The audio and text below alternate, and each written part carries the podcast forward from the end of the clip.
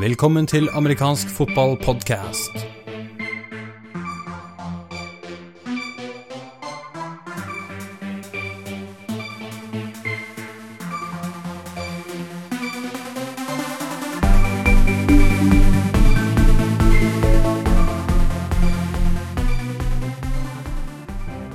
Velkommen til episode 20 av amerikansk fotballpodkast. I dagens eh, sending skal vi først innom eh, Norgesmesterskapet for U19 og snakke med hovedtrener for Vålerenga Trolls, Scott Bower.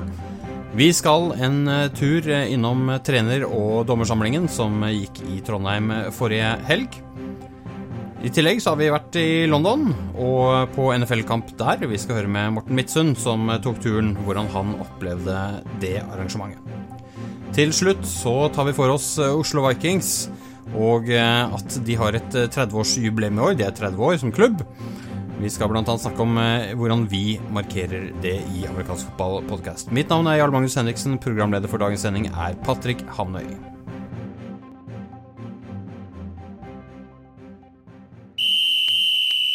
Da er vi klare for første periode av dagens sending.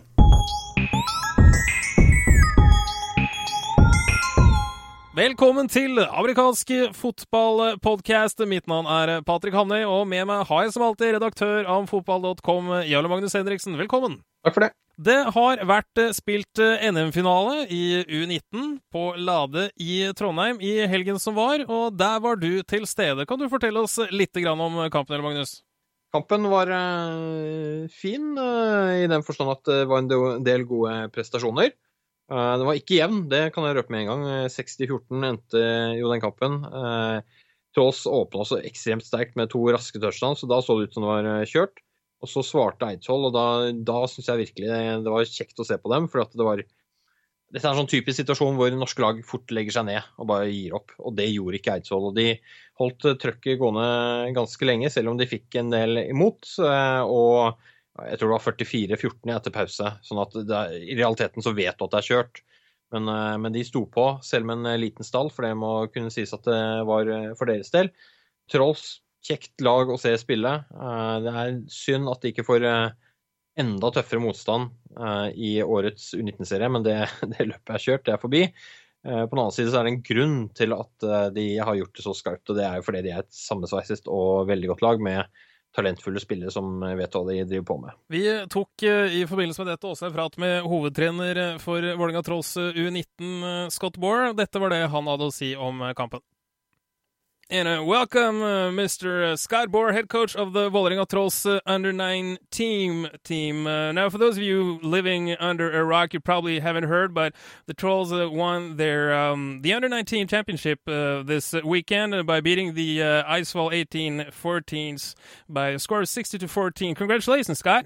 thanks, Patrick. It um, it's great to be a champion. I mean, what else can I say? Well, Winning yeah. definitely better than losing. Absolutely, but I mean, um, how was the event itself? We were just going to talk a little bit about it because you know you had two teams from uh, the Oslo area. Let's call it that. Yes. Uh, you went to Trondheim to play the uh, the finals. Uh, how was the how was the event itself?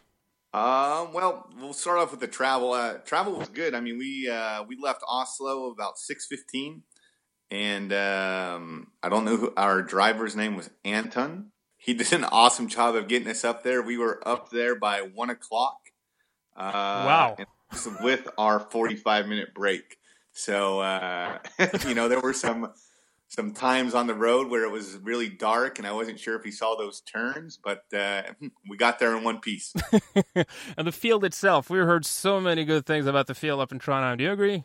Uh yes, it's uh, well I will say it's probably, in my opinion, the uh, the best or second best field now that Yordal is uh, under construction. But that's another uh, topic for another time. I think uh, the Bergen teams have nice fields as well, but uh, between those uh, those two teams, I think those are the nicest field. It's a good it's a good sports complex. The only thing that's um, if we're going to nitpick, uh, the locker room's a little far away, so we didn't go in at all before the game. We just stayed out in the cold because we didn't want to have to walk that far. Number one, and uh, and then number two, it was uh, you have to walk over a field where there's kind of a hill and there's another hill on the other side, and it kind of felt like uh, Antarctica walking through there with a little wind tunnel. So uh, it was cold.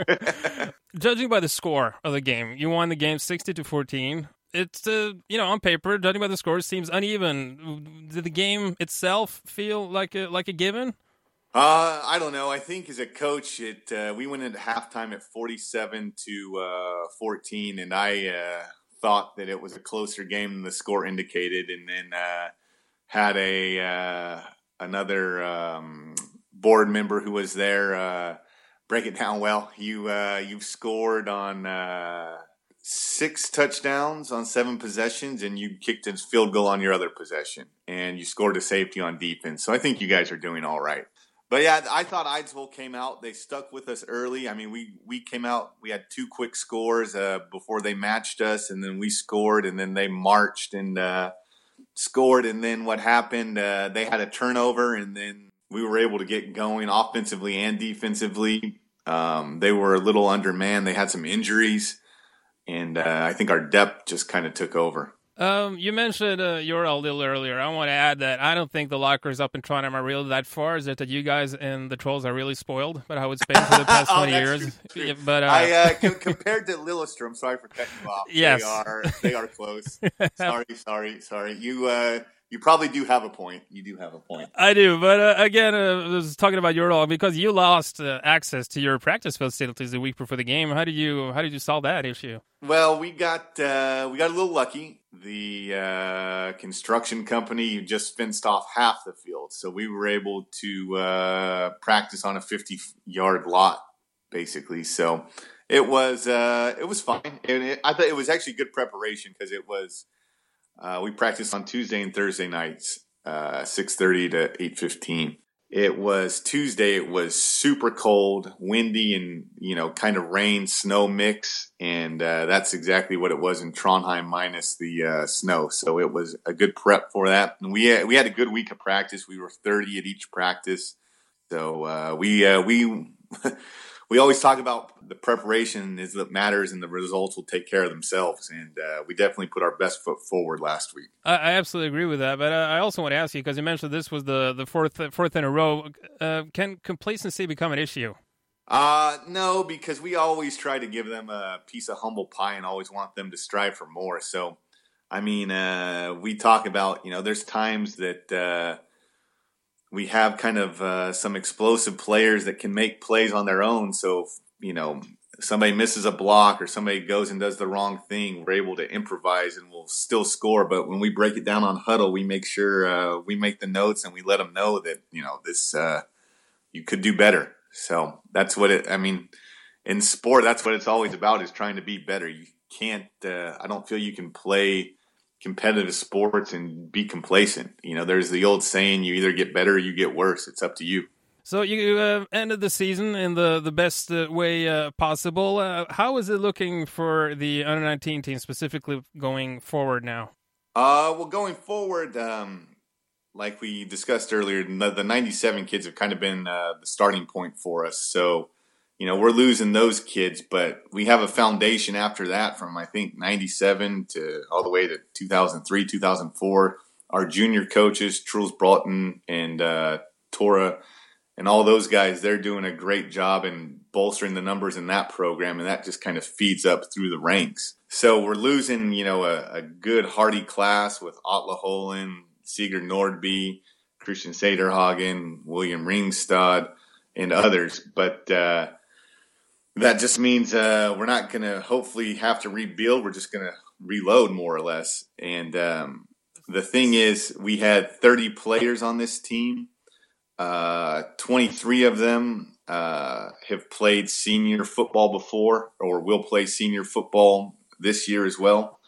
And uh, there was only five who hadn't played senior or uh, U17 football. But this class has to be a little special for you because you started coaching the the junior program in the in the Trolls in uh, 2013, and uh, some of the guys sort of let's say graduating now. You've been following since well, since Oh, yeah, then. Does that make the win a little bit more special? Uh, they uh, they mean a lot to me, and like uh, like we say, they are uh, those have kind of been my family for me. Uh, you know, being abroad, uh, I don't really. I mean, I have a a family of my own now. But uh, before that, that those have been uh, my family for me. They've been uh, like I've spent more time with them than I have uh, anyone else really uh, the last four years. So um, you know, I let them know how special they are, and you know, part of our program is it's uh, being a part of something bigger than yourself, and you know, don't be ashamed to say, you know, you love another person. So, you know, they know uh, how special they are to me, and hopefully, uh,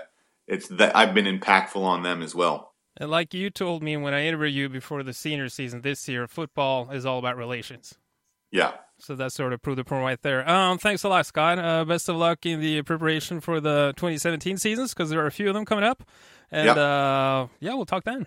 Yeah, well, we're well underway with those, and uh, I just want to say it was a the federation did a great job uh, hosting the event in, in uh, Trondheim. Uh, I thought it was great to actually uh, we had a banquet and stuff afterwards, and um, it was good to uh, you know have all the other coaches there to network with them, and then to actually also be in the same room, with the refs in a formal environment in a social environment and uh, you know I think that'll help improve uh, coach ref relations as well. So I thought it was a, a great, a great, well organized events, great speakers. So it uh, all in all was a very good weekend, a little long, uh, but it's over and it was uh, it was good. Absolutely.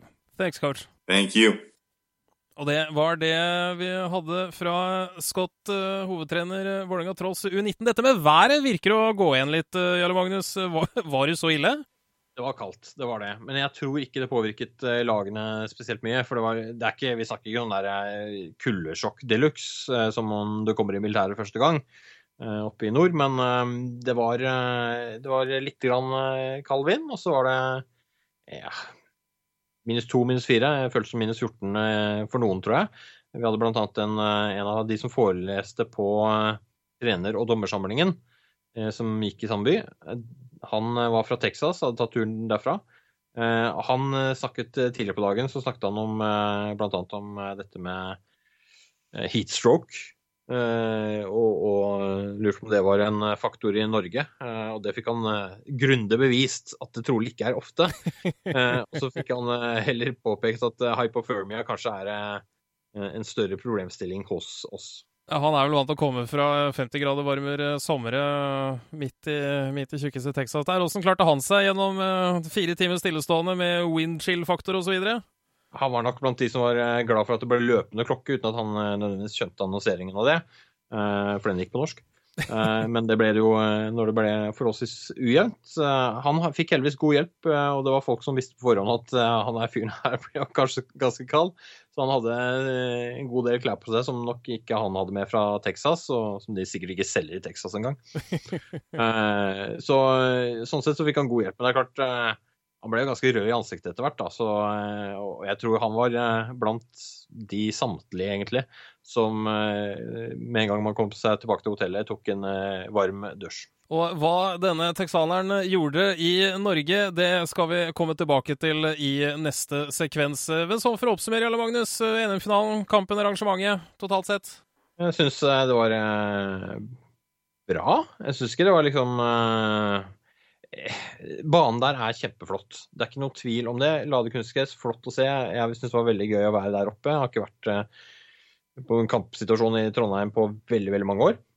Eh, men eh, det mangler jo en stadion da. ikke sant? Det mangler skikkelig tribuner og et, et opplegg eh, rundt det, som ikke har noe med hva Domers kan gjøre, men mer hvilke forhold som blir tilrettelagt over tid.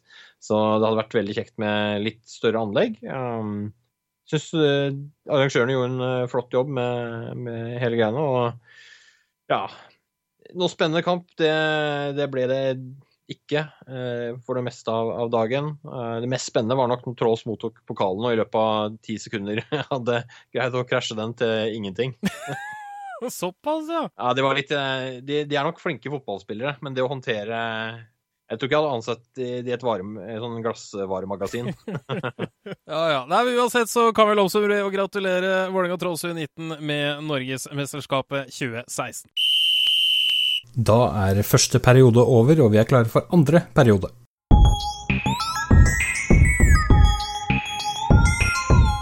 Og vi fortsetter videre her i eh, amerikansk fotballpodkast. Du nevnte, Jarle Magnus, når vi snakker litt om eh, NM-finalen, at det var, eh, det var et texaner på besøk. Og han var på besøk i forbindelse med et annet arrangement som pågikk samtidig med NM-finalen i Trondheim. Hva er det som har foregått i helgen?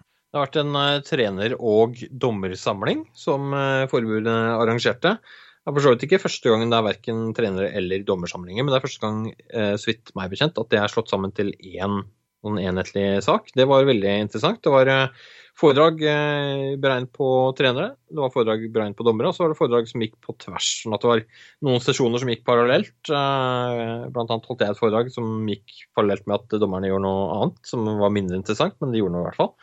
Og så var det sesjoner som gikk på tvers. Blant annet hadde Bård Beilish noe rundt uh, calls, og Gaute Tesli hadde noe rundt uh, holding calls, var det vel um, at Bård hadde, mens uh, Gaute gikk gjennom klokkeregler og sånn.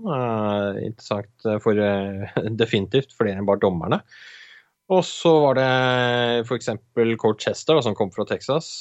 kom vel fra en, forstad til Austin lang trenererfaring, gått inn i USA fotball. Han snakket både om heads up eh, kursserien, om du vil, som, som, de har eh, i, ikke bare i USA, men i store deler av verden etter hvert, og som Norge også bør henge seg litt på. Og så snakket han om eh, defense eh, X's and O's eh, på dag to. Så det var kjempespennende å, å, høre på alt som var. Så det kan vel god gammeldags coaching-klinikk og dommerklinikk er vel det som har blitt avholdt nå? Ja, det vil jeg si. Og så var det litt sånn jeg pleier å kalle det arbeidsbutikk, eller workshop som det heter på engelsk. som gikk litt på tvers med hva forventer trenere av dommere, hva forventer dommere av trenere. Der gikk jeg nok glipp av litt, for jeg var opptatt med litt andre fotballting òg. Eh, men jeg eh, fikk med meg en god del at, at, det var jo dialogen man ønsket i gang. Hva, hva, hvordan kan vi samarbeide bedre for For det er jo liksom et spill som vi prøver å få til her, som skal være bra for publikum, det skal være bra for spillerne. Eh, og vi skal jaggu meg ha det litt eh, gøy selv også, eh, alle parter. Så det, det, var en del av dagen. Og så var det en bankett på lørdag kveld, etter, det man gikk jo så kampen sammen, da. Og det var det store liksom, sportslige delen av det. Og så var det en bankett etter dette her, både for de som hadde vært med på, på samlingen så langt, og noen av de som var aktive underveis i kampen, trenerne f.eks hvor det bl.a. ble delt ut noen priser for årets dommer, år, ja, forskjellige dommerpriser, og årets trener og årets juniortrener.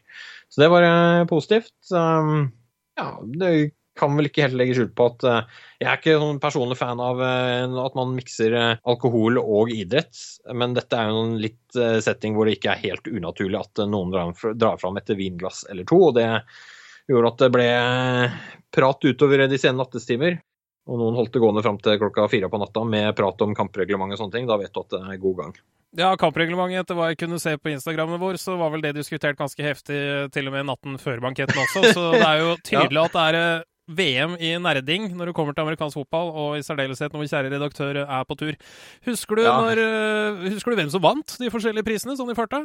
Årets uh, trener uh, var det Greg Clyden som vant. Årets juniortrener var det dette ble delt uten, etter U19-finalen. Så det hadde vært litt sånn skandale omtrent hvis det ikke ble Scott Bower, og det ble det jo. Ja. Eh, men han, altså, han, får jo prisen for en masse ting han gjør rundt juniorprogrammet. Det er ikke bare U19 som foregår der i gården. Og så eh, på dommersiden så vant Stefan Aud, svenske legendariske trener som nå er dommer i Norge. Han vant en pris for egentlig den alle vil dømme med. Oi! Uh, litt, det var ikke det det het. Jeg husker ikke navnet på den prisen akkurat her. Det er ingen popularitetskonkurranse, dette her? Ja, men det er, det er noe her med, sant, med, å være en jovial fyr som hjelper andre til å bli bedre, og, mm. og stå på og sørge for at, at, det blir bra arbeid som et crew. Ja. Uh, dommercrew. Det er noe de er veldig opptatt av. Det gjør han. Så det er absolutt en pris han eh, fortjener. Og så var det Årets dommer var Øyvind Løken. Eh, og det var årets elitedommer, når jeg tenker på ham. Og så ble det delt ut en pris for eh, årets breddedommer, og den gikk til Agon Masterkai, som også dømte som en del av det eh, crewet, dommerlaget, som dømte U19-finalen. Så det var veldig kjekt, og at de fikk oppmerksomhet som helt klart var velfortjent. Er dette noe du syns forbundet skal fortsette med? Det virker som et veldig fint opplegg sånn innledningsvis? Jeg tror ikke det var mange som følte at dette var bortkasta tid. Det er ting å forbedre på. F.eks. er det mange, ganske mange i hvert fall, som er engelsktalende som var til stede, og som eh, nok sikkert opplevde at det var litt frustrerende at en god del av det som man gikk gjennom, gikk på norsk. Eh, så det, man må nok tenke litt gjennom hensynet der. Eh, det var noen foredrag som gikk på engelsk, og det tror jeg var riktig i den settingen med den andelen som var engelsktalende. Eh, og vi, vi forstår alle engelsk, og hvis vi ikke gjør det og driver på med amerikansk fotball, så går vi glipp av mange muligheter og kunnskap fra andre steder. Det er jo helt sikkert. Mm. Eh, og så er det litt sånn ting å, å, fikse på når det gjelder f.eks. Eh, møtelokaler i forhold til hvordan folk sitter, hvordan de ser en skjerm, prosjektor. Uh, og der er det selvfølgelig ting som ligger på oss som uh, foreleste også, og sørge for at jeg er godt forberedt til å ha utstyr som funker bra. Der eh, kunne vi nok eh, vært eh, bedre. Jeg liker godt når det er mikrofoner på sånne ting. Rett og slett fordi man hører enda tydeligere hele lokalet. Det var tydelig nok til at de som satt på bakerste benk, fikk det med seg, men det blir enda hakket hvassere. Innholdet faglig syns jeg var veldig bra. Jeg synes ikke, Man bommer ikke på noe, verken med intensjonen eller gjennomføringen. Men der vi snakker om forbedringsområder, der er det noe mindre. Det er det. Uansett så kan vi allerede nå begynne å glede oss til uh, tilsvarende til neste år, hvor nå det enn det lander på å, uh, på å være. Og så gratulerer vi prisvinnerne, og så på gjensyn til neste år. Andre periode er over, vi er klare for tredje periode.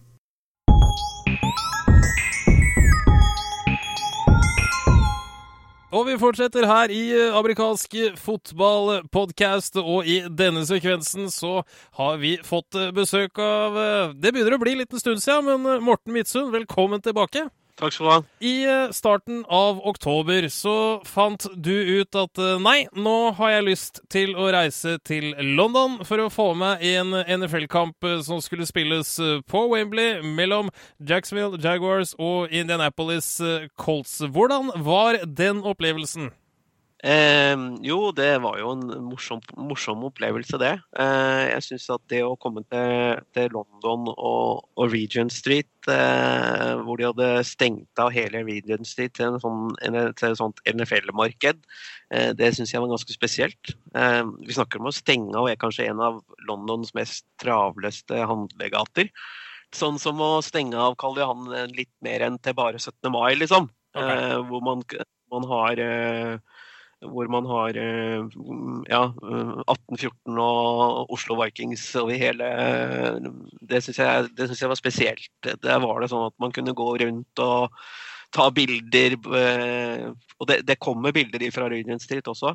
Eh, man kunne ta bilder ved noen svære fotballer. Man kunne gå og ta på seg en Jacksonville Juggers jersey, hilse på noen sånne avdanka Nei, pensjonerte amerikanske fotballspillere og, løpe gjennom noen sånne slags sånne hoppeslott hvor man skulle blokke og, og løpe på noen sånn blokkeskjold. Og, og, og, man fikk liksom prøve på noen sånne hvordan det var å spille amerikansk fotball. da.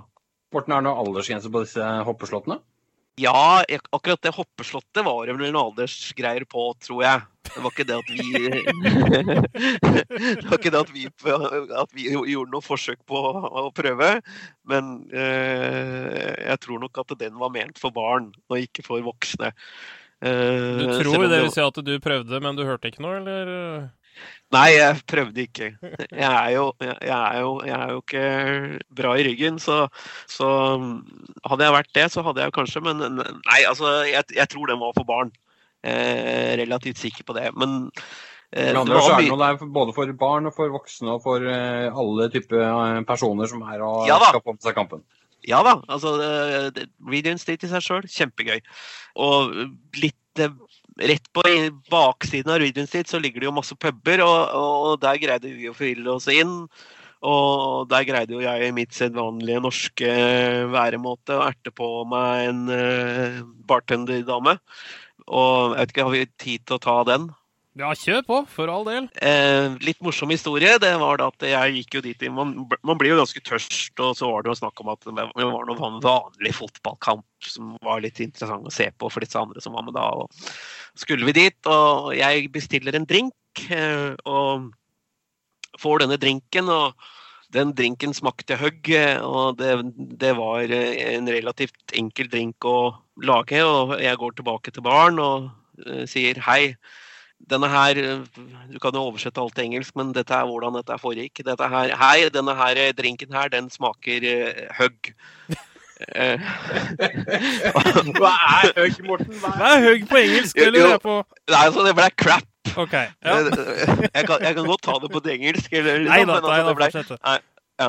Og, og ansiktsuttrykket på denne dama, det var jo sånn derre Excuse me, but when you uh, Når du snakker til oss, så er det excuse me, please og uh, og sånn. Og, og ja da, uh, jeg skjønner det. Eh, svarte jeg at eh, Men, men eh, når du greier noe så enkelt som å fucka opp en Jack Daniels og en Cola, så blei jeg litt sur. Altså, det var jo andre gangen jeg kjørte en insult på hun dama. Hun, altså, hun, det er sånn Bjørn, da. Bjørn Martinsen, den gamle, gamle gutta fra Kodiaks. Eh, han, han sto bak meg og liksom begynte å samle sammen kjerringa og unger og sånt noe, for at kanskje, nå skal vi kanskje gå ut herfra. Eh, og, og, og liksom det at eh, eh, Ja, og så eh, greide jeg jo ja, ja, sir, sa hun kjerringa da, etter at jeg da liksom hadde greid å forklare at den Jack Danielsen, når du ødelegger den, så eh, Hva er det du vil ha, da? sier hun. Nei, sier jeg og liksom give me, Just give me something. Slenger, så slenger jeg en tipundseddel på, bardi, på bardisken, ikke sant. Eh, så det var jo da tredje gangen jeg fornærma denne dama. Eh, og den pilsen jeg fikk, det er noe av det verste jeg har smakt. Det er noe av det bitreste ølen jeg har fått noen gang. Så det var jo en opplevelse, det. Altså, at, vi, at vi fikk lov til å være der på den puben. Vi fikk lov til å drikke ferdig det vi hadde og sånn. det- Men Det var ikke din fortjeneste, for å si det sånn. nei, det var ikke det, altså. Det, det var ikke det. Ja, Men det er tydelig at det var ganske mye moro for eh, hele familien, både små og da i særdeleshet voksne, hører jeg nå. Men eh, på et eller annet tidspunkt så ble det også da spilt en kamp. Ja.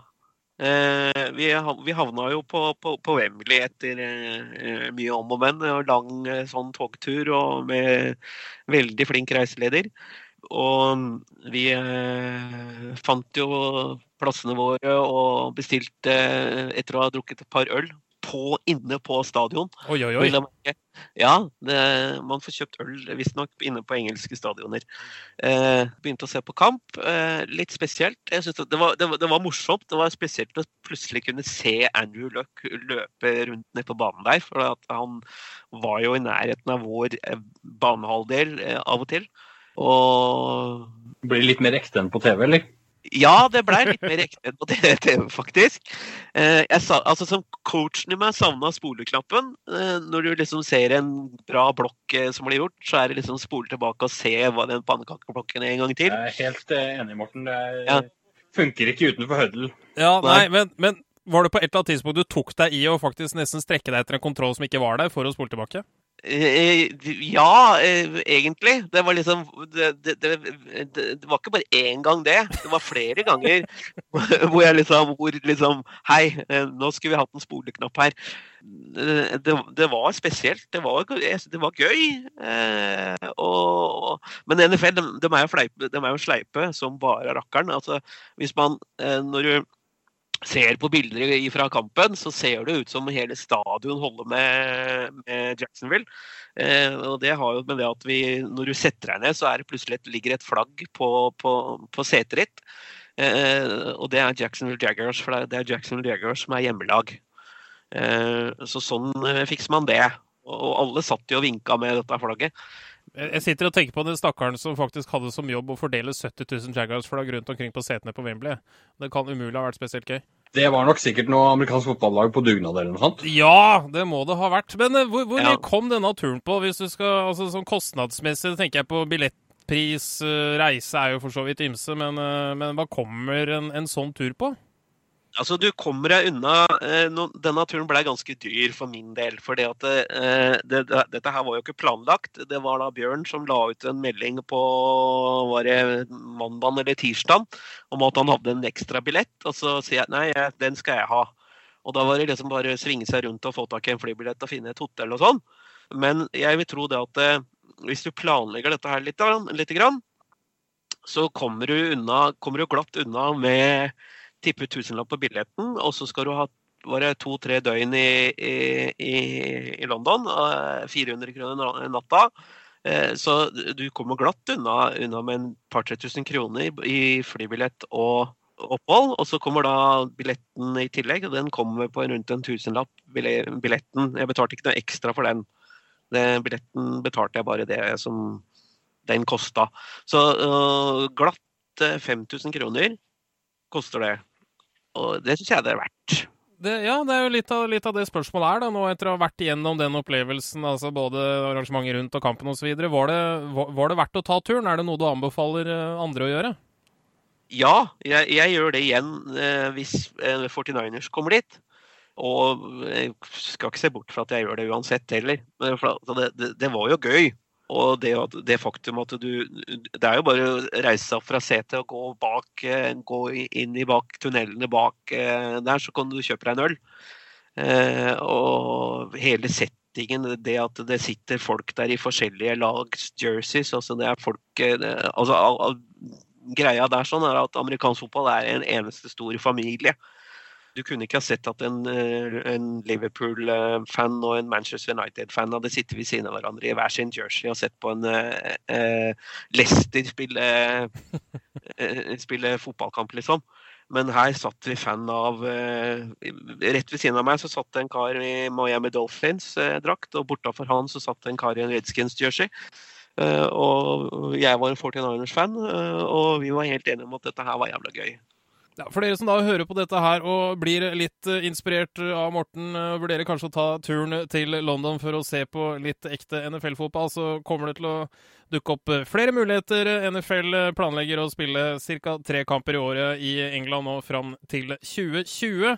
Så følg med, og skulle en kamp falle i interesse, så anbefales det å ta turen. Morten Midtsund, da sier jeg tusen takk til deg, og så gleder vi oss til å se reisebrevet på amfotball.com.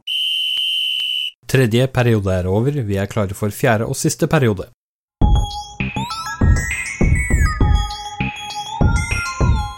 Da Jarle Magnus, begynner å nærme oss eh, slutten eh, på, eh, på podkasten vår. Hva, ja. Tenkte vi kunne prate litt om, om, hva som foregår akkurat denne uken, denne helgen, hvor podkasten kommer ut. Ja. Det er sånn at Oslo Vikings de ble stiftet i 1986. og den som er god i matte, skjønner jo da at det er 30 år siden. Så de har 30-årsjubileum. Norges nest eldste aktive klubb. Eh, det feires på jeg tror det er Havna hotell på Tjøme eh, det heter. Og der er både nåværende og gamle Vikings eh, spillere, trenere, dommere, alt mulig som kan krype og gå. De er invitert dit. Så hadde gleden av å bli invitert selv òg, så det er jo hyggelig. Det er dessverre ikke alle som får dratt, men uh, kjernen av de som har hjertet sitt i Oslo Vikings, de er uh, helt sikkert til stede der. Vi hadde bl.a. planer om en spesialpodkast i forbindelse med det. Det har vi fortsatt, men det kommer til å komme ut etter at, at helgens arrangement er over. Det har litt sammenheng med at de, de, vi vil snakke med, er jo gjerne en del av de som er kjernen i klubben, og som legger sjela si ned også i dette jubileumsarrangementet. Så de har vært litt opptatt eh, denne uken hvor vi ønsket å gjøre opptak. Så det vil vi i etterkant, når de har fått eh, feiret tre dager til ende, for det er det de skal.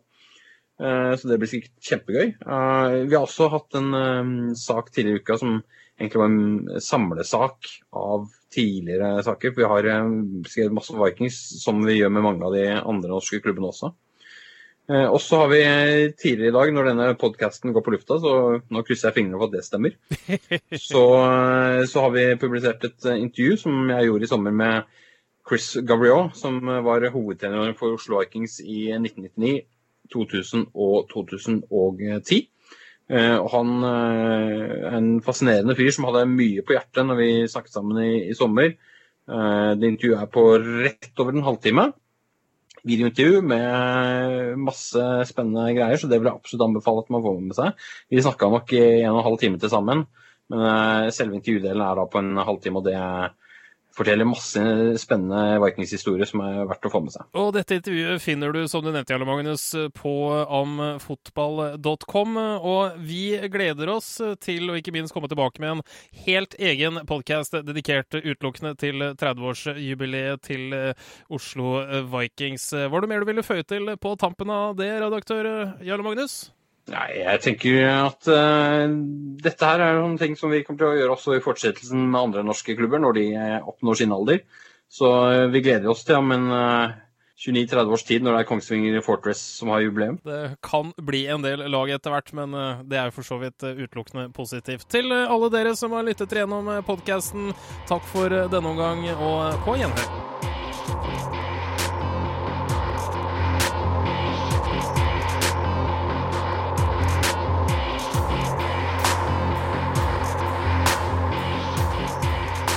Amerikansk fotballpodkast er over for i dag. Vi takker for følget. Følg gjerne med på amfotball.com, så høres vi snart.